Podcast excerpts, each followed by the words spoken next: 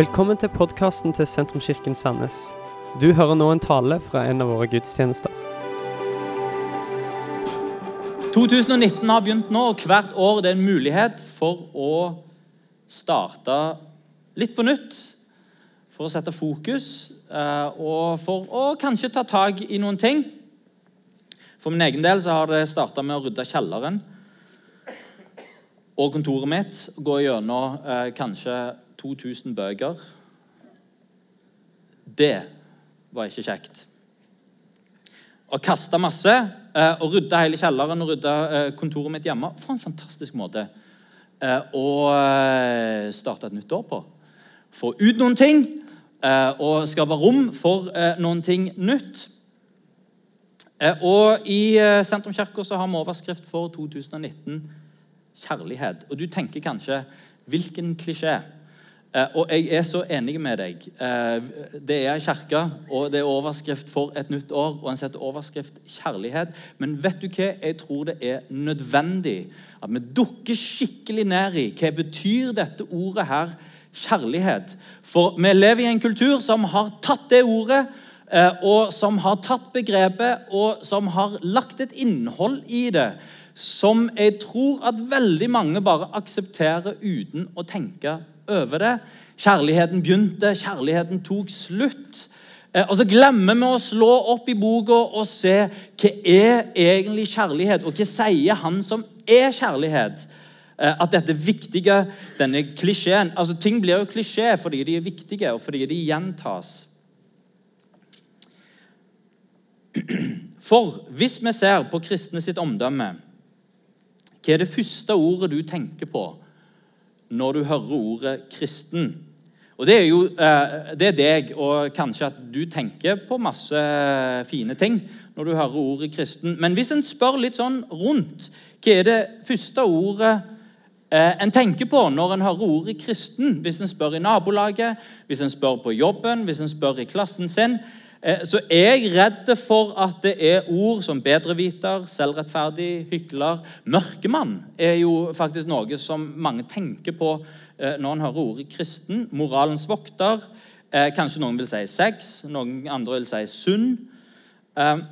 Forskjellige ting. Fariseer, kanskje. Det er forskjellige ord som en tenker på når en hører ordet kristen. I forbindelse med en debatt i Storbritannia mellom, mellom Tony Blair som da var statsminister, og, og en uttalt troende, og Christopher Hitchens, som, eh, som, eh, som var kjendisateist, så ble det gjort en undersøkelse i en del land hvor spørsmålet var er religion en kraft til det gode. Nå er det et veldig upresist spørsmål i forhold til kristen tro. Eh, så det gir seg kanskje forskjellige utslag alt etter hva en legger i det. I Indonesia så sa 91% at religion er en kraft til det gode. I USA sa 65% at religion er en kraft til det gode. I Storbritannia 29% Og i, eh, helt på bunnen på lista eh, var da Sverige, vårt naboland, med 19 eh, Og Hvor befinner vi oss hen i Norge? Jeg tipper jo at vi er sånn cirka på lag med svenskene. Eller en plass mellom svenskene og Storbritannia. Eh, og Det kan være urettferdig, eller det kan være rettferdig. Men bildet av kristne i det landet som vi er en del av, er ikke nødvendigvis sånn at kjærlighet er det første som popper opp når en sier ordet kristen. Og jeg syns det er blodig urettferdig for det Når en kjenner kristne, så vet en at det, ja, men dette er jo, det er jo dette som er kjernen i kristen tro. Det er blodig urettferdig når en leser evangeliet og en leser Bibelen og en blir kjent med kjærlighetens Gud. For det er jo dette som er kjernen av det som jeg tror på. Hvorfor skal det være sånn at folk tenker mørkemann? Eller folk tenker alle disse stygge tingene knytta til ordet kristen og knytta til ordet kirke? For i vårt samfunn så er det ikke sånn at kristen tro er en kraft til det gode i folks sine øyne. Det gode liv leves ikke som kristen. Det gode samfunnet er ikke bygd på kristen tro. Hvordan vet jeg det? Ja, Det bare å se hvordan kristne og kristen tro blir framstilt i media, og på film og i skjønnlitteratur. Det er kanskje karikert, men det er et bilde av hvordan vi framstår. Ikke eller hvordan vi blir oppfatta. Og er det realiteten, så er det vårt ansvar å gjøre vårt beste for å endre det. Jeg har lyst til å ta oss tilbake til de første kristne. Eh, og jeg har lyst til å si dette også, at Når en snakker om de første kristne og den første kirka, så er det en del så romantiserer en ofte det. og tenker, Alt var så ideelt og alt var så fantastisk. Og den første kristne kirka den var perfekte. Det var den ikke. Første kristne kirke bestod av mennesker, ikke-perfekte mennesker som trengte tilgivelse, som, som, måtte finne ut av dette her, og som krangla og som var i konflikt. Eh, og, og eh, som eh, folk så på med ikke bare velvilje. Ryktene og sladderen som gikk i Romerriket om de første kristne, var omtrent sånn som dette. Nummer én, de var ateister. Tenk det. De første kristne ble eh, anklagd for å være ateistiske. Hvorfor? For de hadde kutta vekk alle guder, unntatt eh, da Gud, den treenige Gud, og de tilba da Jesus, et menneske, som Gud. Dette her var, eh, De var ateistiske. De nekta òg å tilbe keiseren som Gud. Eh, og så var de umoralske. Eh, hvorfor var de umoralske? Jo, fordi de elska hverandre. Det hadde en hørt. De kristne elsker hverandre. Men bare at kjærlighetsbegrepet i Romerriket, litt sånn som nå, litt annerledes enn eh, en, en det kanskje Bibelen snakker om. Så folk hadde et bilde av hva det ville si at de kristne elska hverandre. Det var umoralsk. De var kannibaler. Det var pga. nattverden. Dette er Jesu blod, dette er Jesu legeme. De spiste det. De var asketer fordi de ofte kledde seg nøkternt, hadde en nøktern livsstil eh, og ikke brukte eh, penger og, ressurser først og fremst på seg sjøl, men på andre. Og de hadde politiske ambisjoner og ville styrte keisermakten. Hvorfor det? Eh, jo, fordi de møttes i hemmelighet, så ingen visste helt egentlig hva skjer der når de kristne møtes og har sin kannibalisme. Eh, de har sikkert politiske ambisjoner, for de tilber jo ikke keiseren som gud. Så de vil sikkert, eh, de vil sikkert overta dette riket. Eh, med andre ord ikke et særlig godt utgangspunkt. Likevel så vokste den første kristne kirka ustanselig. Noen tror at den vokste bang med en gang. Det gjorde den ikke. Den vokste forsiktig over flere hundre år. Litt og litt og litt og litt. Det var ikke politiske konverteringer de første århundrene. Det var ikke folkekonverteringer der ei folkegruppe bestemte seg for nå, vi har vært hedenske før, nå skal vi bli kristne. Det var én og én som omvendte seg til kristen tro. Hvorfor? Det skjedde fordi en så troen gjennom kjærlighet i nære relasjoner.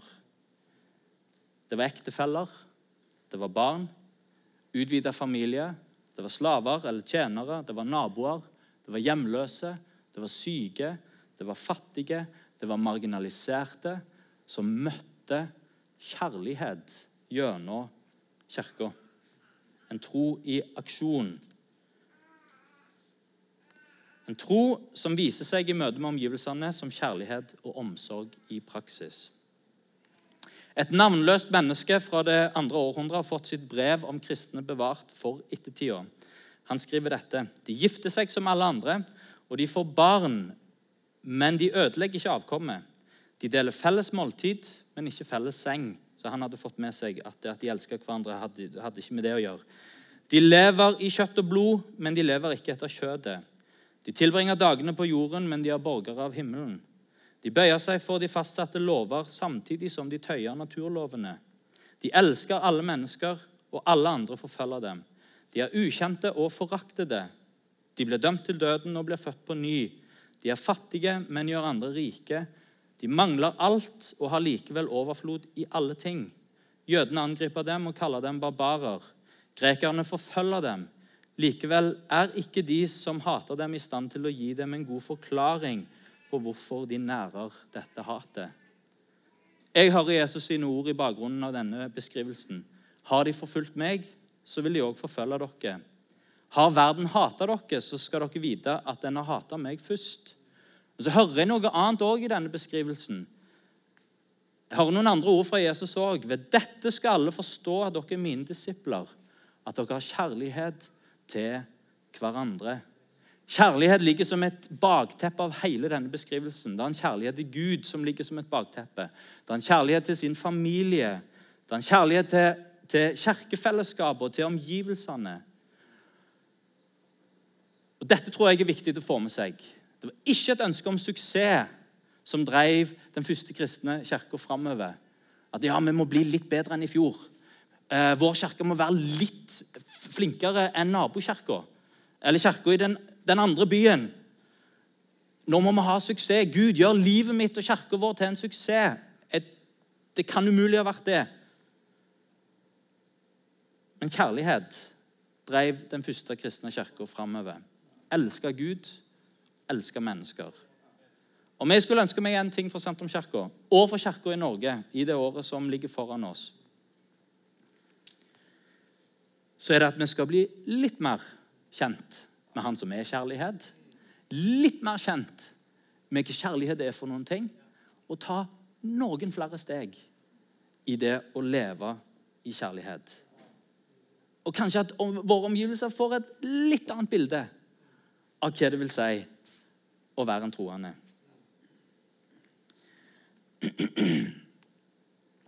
Eh, I dag har jeg lyst til at vi skal se på hvor kjærlighet kommer ifra. Eh, og det, det, og det, er, ikke uten, uh, uten, grunn at vi begynner der, for dette, jeg, dette er kjempeviktig. Og da skal vi lese, og Derfor har jeg også kalt denne talen for 'kjærlighetsfrukt'. Så, så, her, her Og det er, det er, ikke tilfeldig heller at det er druer, men det kommer tilbake til. Eh, Galaterbrevet 5, 13 eh, skal vi lese fra, og helt ned til vers 26. Dere søsken Nei, det var feil. Dere søsken er kalt til frihet. La bare ikke friheten bli et påskudd for det som, kjøtt, for det som kjøtt og blod vil, men tjen hverandre i kjærlighet. For hele legg merke til dette, hele loven blir oppfylt i dette ene budet. Du skal elske din neste som deg selv. Men når dere biter og glefser etter hverandre, så pass dere, så dere ikke eter hverandre opp. Jeg sier dere, lev et liv i ånden. Og Dette her er litt kananspråk, men, men eh, det skal vi hoppe inn i etterpå. Lev et liv i ånden. Da følger dere ikke begjæret i menneskets kjøtt og blod. For kjøttets begjær står imot ånden, og åndens begjær står imot kjøttet. Disse ligger i strid med hverandre. Altså, det er en kamp i ethvert menneske. og Noe av utfordringen i det å være en troende er nettopp denne kampen mellom det som er kjøttets gjerninger og begjær, og det som er åndens liv og det som ånden vil. For de står mot hverandre. Men blir dere drevet av ånden, er dere ikke under loven. Og det er jo interessant. Det er klart hva slags gjerninger som kommer fra kjøttet. Hor, umoral, utskeielser, avgudsdyrkelse, trolldom til og med, fiendskap, strid, sjalusi, sinne, selvhevdelse, stridigheter, splittelse, misunnelse, full festing og mer av samme slag. Dette høres ut som oppskriften på en eh, på en TV-serie som kan gå eh, i det uendelige med sesong etter sesong etter sesong. For dette kjenner vi igjen. Jeg har sagt det før, og jeg sier det igjen. De som driver med slikt, skal ikke arve Guds rike. Men åndens frukt, kjærlighet Hør på denne vakre. Dette er jo òg en bra TV-serie, faktisk. Kjærlighet, glede, fred, overbærenhet, vennlighet, godhet trofasthet, ydmykhet og selvbeherskelse. Måtte ha med en litt ubehagelig inn der på slutten. Slike ting rammes ikke av loven. De som hører Kristus til, har korsfestet kjødet med dets lidenskaper og begjær. Og lever vi ved Ånden, så la oss også vandre i Ånden. La oss ikke være drevet av tom ærgjerrighet, så vi utfordrer og misunner hverandre første jeg vil at du skal se her, er at lovens intensjon er kjærlighet. Kjærlighet er lovens oppfyllelse. Fordi kjærligheten er lovens intensjon. Når vi forstår dette, så, treng, så forstår vi også at vi trenger å lære om mer kjærlighet. Jo mer kjærlighet vi lærer, jo mindre lov trenger vi. For der kjærligheten er perfekt, der trengs ikke lenger loven fordi kjærlighet er lovens intensjon. La meg ta et bilde som halter. Trafikkreglene, veitrafikkloven, er der av hensyn til andre. Og Dette er jo ting som jeg trenger å lære. Du blinker ikke i krysset fordi loven sier det, eller fordi du ikke vil ha bot, eller fordi du får dårlig samvittighet hvis du ikke blinker i krysset. Du blinker i krysset fordi den som kommer bak deg, og den som er foran deg og på sida, skal se hvor du skal hen. Så lovens intensjon er kjærlighet. Vise hensyn og omsorg til de andre. Nå skal jeg komme med kontroversiell, et kontroversielt utsagn. Der kjærlighet, omsorg og hensyn til andre er perfekt, der trengs ikke veitrafikkloven. Der, der, der, der, kjører en med hensyn til Dette er det sikkert mange som vil være uenige med meg i, og det er sikkert med god grunn. Eh, men det er bare for oss å vise bildet her. Der, loven, nei, der kjærlighet er perfekt, der trengs ikke loven. Fordi kjærlighet er lovens intensjon andre tingen jeg har lyst til å hente fram her, er at sann åndelighet er kjærlighet. Og Vi har så mange rare bilder av hva åndelighet er, hva spiritualitet er. Denne teksten her som beskriver et liv i ånden, det er jo sånn kanan. Og, og bruker, eh, Kanskje ikke du bruker det i dagligtalen. Ja, lever du et liv i ånden? Ja, jeg lever et liv i ånden. Jeg vandrer i ånden. Kanskje det uttrykket en ville brukt, var jeg vil leve et åndelig liv. Eller det en kan si om noen andre, det var et åndelig menneske. Kanskje Hvis en ikke tror, så vil en kanskje til og med brukt ordet spirituelt. Det var et spirituelt menneske. Og så er jo spørsmålet, Hva tenker vi på når vi tenker på et åndelig menneske? Det er jo kanskje noen som er litt sånn åndelige, litt svever litt, og som, som er opptatt av åndelige spørsmål.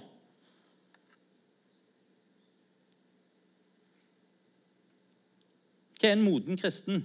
Og et åndelig, En åndelige kristen er det den som har god balanse, som har forståelse og innsikt, kraft og gjennomslag, som har disiplin og utholdenhet?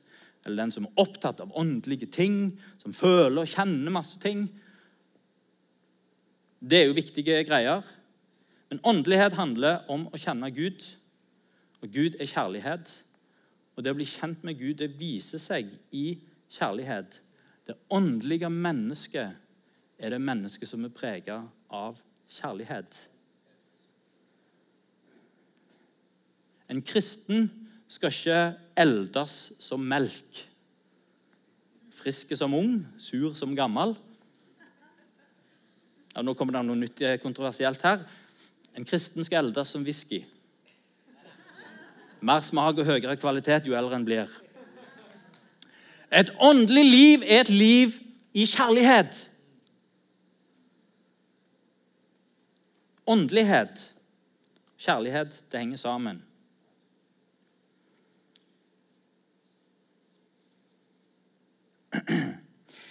Tredje tingen her er at kjærligheten er åndens frukt, ikke åndens gave.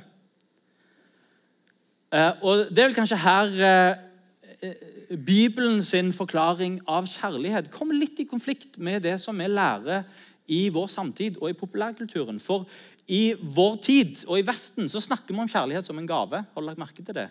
Det er, en, det er en gave vi leter etter. Det er en gave som du får i møte med et annet menneske. To, og vi ser det på film.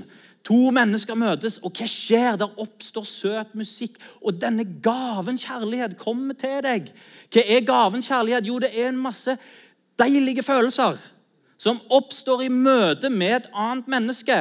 Det samme skjer jo når en får egne barn og i møte med disse mine fantastiske barn som har blitt født, så får jeg denne gaven, masse følelser av farskjærlighet og morskjærlighet. En gave, vær så god. Derfor så kan vi snakke om kjærligheten som kom, og kjærligheten som gikk. Fordi kjærlighet blir følelser som kommer, og som en får som en gave i møte med et annet menneske.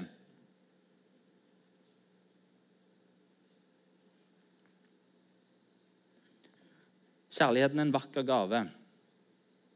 I dag, Om jeg hadde sagt at kjærlighet er den største gaven Gud har gitt oss, så tror jeg ikke noen hadde reagert. Vi hadde ikke tenkt på det.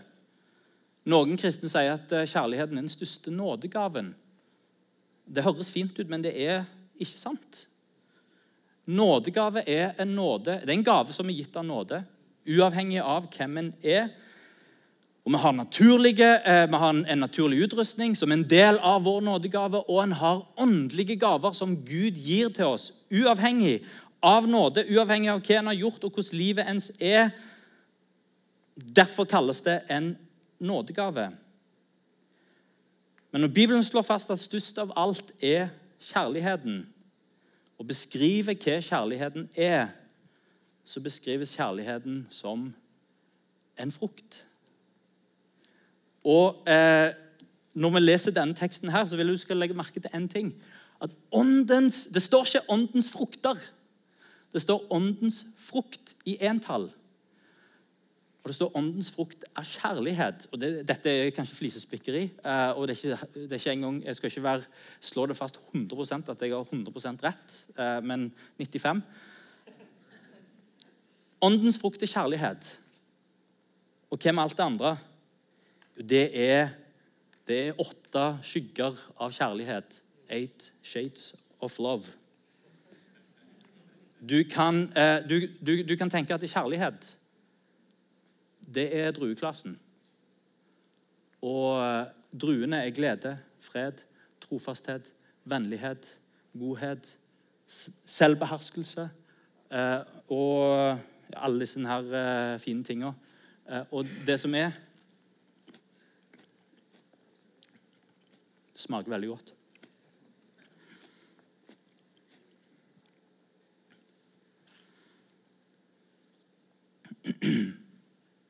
Kjærligheten er oppsummering av loven. Og kjærligheten er oppsummering av det som skal vokse i den som tror. Og glede, fred, overbærenhet, tålmodighet, trofasthet, avholdenhet, godhet og glede Alt dette er forskjellige avskygninger av kjærligheten. På frukten skal treet kjennes. Det sier Bibelen, det sier Jesus, og det er òg noe, noe som jeg har måttet lære meg som, som, en, som en, yngre kristen. En hører en forkynner som en syns 'Å, fy søren, du er bra'. Og så ser en noen som eh, i ei kirke eller en, en, en predikant. Der skjer mirakler. Wow, det skjer mirakler der. Eh, og så ser en noen som har en fantastisk utrustning og gave. tenker, 'Å, fy søren, Gud er med deg'. Og så hører jeg noen som forteller utrolige historier om hva Gud gjør gjennom livet ditt. Og så tenker en, wow, se hva Gud gjør i det mennesket. Og så tenker en, alt det den personen der sier, sikkert sant. Alt det som kommer fra den kirka der, det må jo være fra Gud. Hvorfor? Fordi disse miraklene skjer, for disse gavene er, opererer der. Og så er det faktisk ikke det Bibelen lærer oss, for alt dette er hva da for noe? Det er nådegave. Ikke gitt ut ifra hvor, hvor, hvor, bra han er, hvor rett han hadde i alt, men det er gitt av nåde. Og så er det en annen frukt som en heller skal se etter, som er mye viktigere, som sier noe om modenhet. Og det er å se etter kjærlighet. Ikke la nådegave eller karismatiske gaver eller ledergaver eller praktiske gaver heller blende deg. Vi ser etter åndens frukt. Vi kan godt spørre oss sjøl hva produserer vi i kirka her. Min bønn er at dette fellesskapet og denne kirka skal produsere kjærlighetsfrukt. Det betyr ikke perfekte mennesker, for det er alltid uperfekte mennesker som søker til kirka. Kirka er et fellesskap av de uperfekte. Det er et fellesskap av de tilgitte. Sånn har det alltid vært, og sånn skal det alltid være. Men resultatet over tid det er et liv i ånden. Og et liv i ånden det er et liv der kjærlighet er en frukt. Hvordan får vi frukt? Og Jeg begynner å gå inn eh, for landing med dette. Det som er fint med frukt, er at det kan ikke presses fram. Ingen planter et epletre i hagen eh, og går dagen etterpå bort ned og ser er det kommet noe frukt. Nei, ikke noe frukt i dag. Eh, og står opp dagen etterpå og går ned til epletreet og sier nei, heller ikke frukt i dag. Eh, og uka etterpå nei, heller ikke noe frukt i dag. Nei, dette her funker ikke. Og hogger ned hele epletreet og sier nei, dette, dette er ikke interessert i å ha i hagen min, for dette produserer ingenting. Alle som planter et epletre i hagen, vet at frukta kommer ikke umiddelbart. Noen ganger så tar det kanskje til og med år før frukten kommer. Men en skal være tålmodig. Treet står planta. Det er det viktige. Og at det får sol, og at det lukes, og at det vannes. Så kommer frukta etter hvert. Frukt er en prosess, og det gjør at vi kan slappe litt av.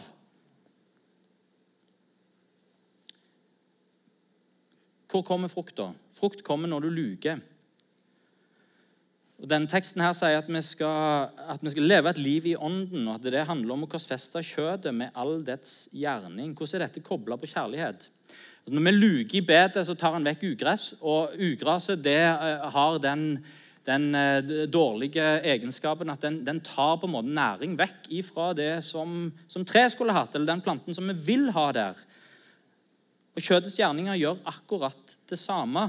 Med å fjerne dette ugraset så gir det rom for mer frukt. Galaterbrevet sier at det er hor, umoral, utskeielser, avgudsdyrkelser, trolldom, fiendskap, strid, sjalusi, sinne, selvhevdelse, stridighet, stridigheter og splittelser, misunnelse, full festing og mer av samme slag. Som det er alltid sammen trekk ved å være et menneske.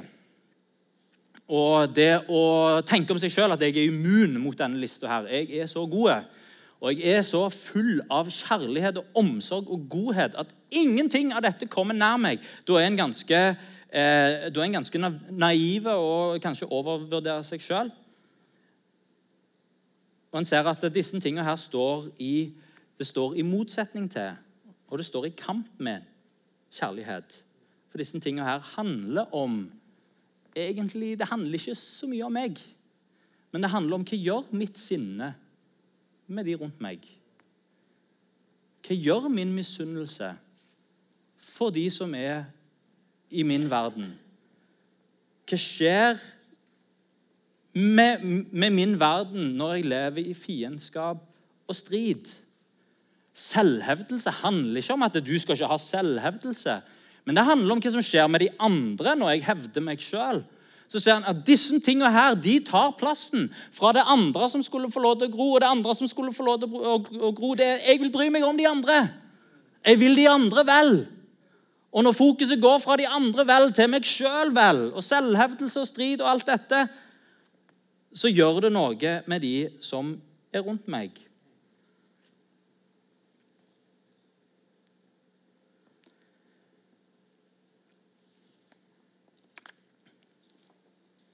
Det fins en åndelig disiplin som er veldig bra. Faste. Det å faste, det er, det er, det er å si nei til noe, noe, bra for å si ja til noen ting som er bedre. Eh, og i forbindelse med denne serien så kommer vi også til å ha en bønne- og fasteaksjon. Alle sammen får en sånn liten lapp, og du får enda en til neste, neste søndag med noen enkle bønneemner for, eh, for, eh, for, hver dag. Og med forslag til noen faster som en kan ha. En kan faste fra sosiale medier, en kan faste fra mat to ganger i uka, bare om du er over 18 år. En kan faste fra skjerm, eller kanskje du har noen andre ting som du har lyst til å faste fra. Det er noe med det å eh, få gode vaner. Dette med sjølkontroll det hjelper til å luke i bedet.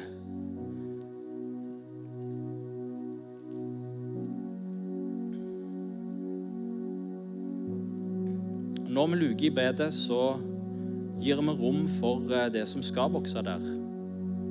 For frukt kommer når du vanner. Og Galaterbrevet sier at vi skal leve i ånden, og vi skal vandre i ånden. Her er det mange som misforstår det kristne livet. For en gjør tilbedelse, bønn og bibellesning til lov. Sier jeg må, når jeg er kristen, så da må jeg jo lese i Bibelen. Og så må jeg jo tilbe. Og så må jeg jo be. Det er ikke det det er snakk om. Når jeg er kristen, jeg vil at frukt skal vokse i livet mitt. Derfor vanner jeg treet mitt. Derfor søker jeg Gud og ber. Derfor tilber jeg Han. Derfor søker jeg nær til Han, for når jeg er nær Han som er kjærlighet, da får kjærlighet vokse i livet mitt. Derfor leser jeg Hans ord, for jeg vil forstå og kjenne Hans ord. Jeg vil at Han skal tale til meg. Derfor setter jeg meg ned og lytter og stille og lytter til Han. For når jeg lytter inn til Han, jo, men da begynner jeg å preges av Han.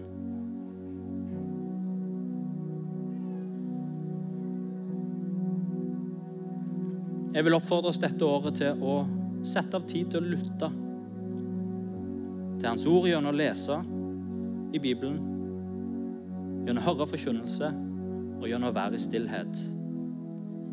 Jeg vil oppfordre oss til å bruke tid, og gjerne nå i forbindelse med bønne- og fasteaksjon. Sett av tid til å være for deg sjøl. Finn en plass der du kan være sammen med Han og be. Gjør en vane av å tilbe Gud, både når en er sammen med resten av kirka, men òg når en er hjemme. Og vær lydige. Våg å handle på det som en hører.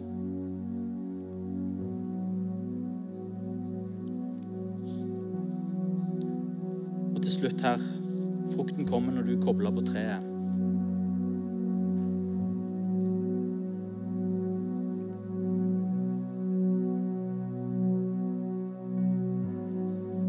Kommer på greina når greina står på treet, og treet er Jesus. Evangeliet er det glade budskapet om at det henger ikke på mine skuldre, men det henger på hans skuldre. Vi kobler på Jesus ikke gjennom lov, men gjennom tro. Han har gjort alt som trengs å gjøres. Han har vunnet en evig seier. Så kan jeg få lov til å være med på det som han gjør. Tenk deg at Jakob Ingebrigtsen springer inn til VM-gull. Vet ikke hva han har mest sjanse på, om det er 1500, eller om det er 3000 eller om det er 5000. Men se for deg at han springer til VM-gull. Mellomdistanseløping det er den mest tilgjengelige idretten i hele verden. Alle har, nesten alle har råd til et par med joggesko. Og har du ikke et råd til et par med joggesko, så kan du faktisk springe uten òg. Og han kjemper mot de aller beste, de, de, de helt på toppen, og vinner! Han er fra Sandnes. Han trener rundt Gisketjernet. Kanskje noen har sprunget, uh, han har, har sprunget når han har vært ute og trent sjøl. Og så vinner han! Og så er du der på tribunen når han vinner. Og så får han flagget. Og så får han laurbærkransen. Og så ser han deg fra Sandnes og sier 'kom'. Og så får du lov å bli med, og så springer du seiersrunden etterpå. Og da setter ikke Jakob Ingebrigtsen tempoet sitt. Da setter han tempoet ditt. Og så får du lov til å springe. Det eneste du gjør, er å ta ett steg etter det andre sammen med han som har vunnet. Og hele tribunen bare reiser seg og applauderer. Og en kan få lov til å være med på seiersrunden. Alle bilder halter, det halter og det gjør òg dette. Men hovedpoenget er dette. Seieren er vunnet. Det handler ikke om hva jeg skal gjøre, men det handler om hva han har gjort. Å fullføre mitt løp handler ikke om hva jeg skal gjøre, men det handler om å følge etter han som har gjort mitt løp.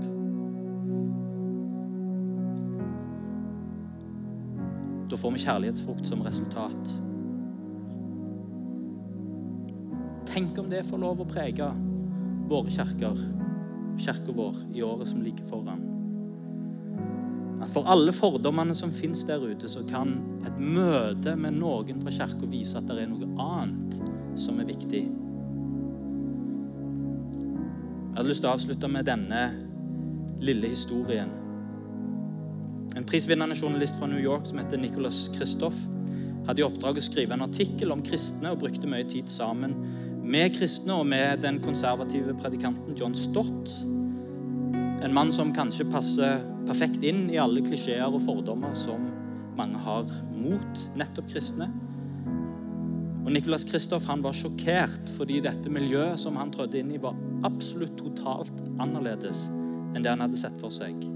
Dette er hans beskrivelse. Stott prekte ikke svovel og ild på en eller annen kristen TV-kanal.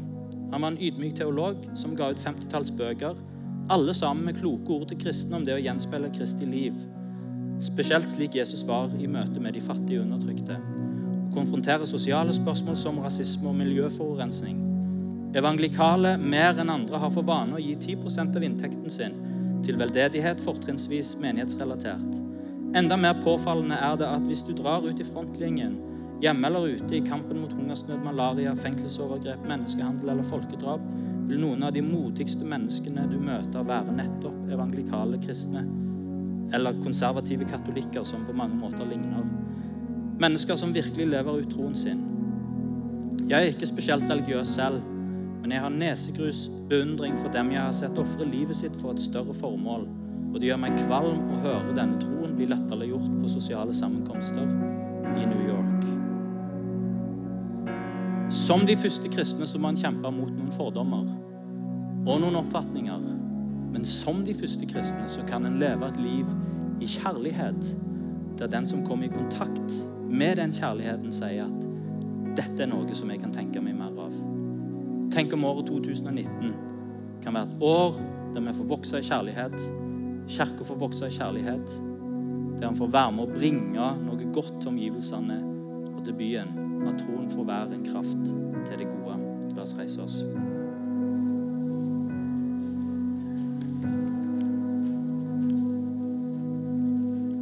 Vi skal straks tilbe Jesus sammen. Min utfordring til deg er å plante deg. Plant deg i Jesus, for det er der kjærligheten vokser. Plant deg i kirkefellesskapet, for det er der kjærligheten får vokse og utvikle seg lug i bedet og vann, sånn at kjærligheten får vokse som en frukt i livet ditt. Dette var slutten på denne talen. Håper du har blitt inspirert. Om du har lyst til å vite mer om hvem vi er, eller hva vi gjør, eller har lyst til å høre flere podkaster, så kan du besøke vår nettside sentrums.no.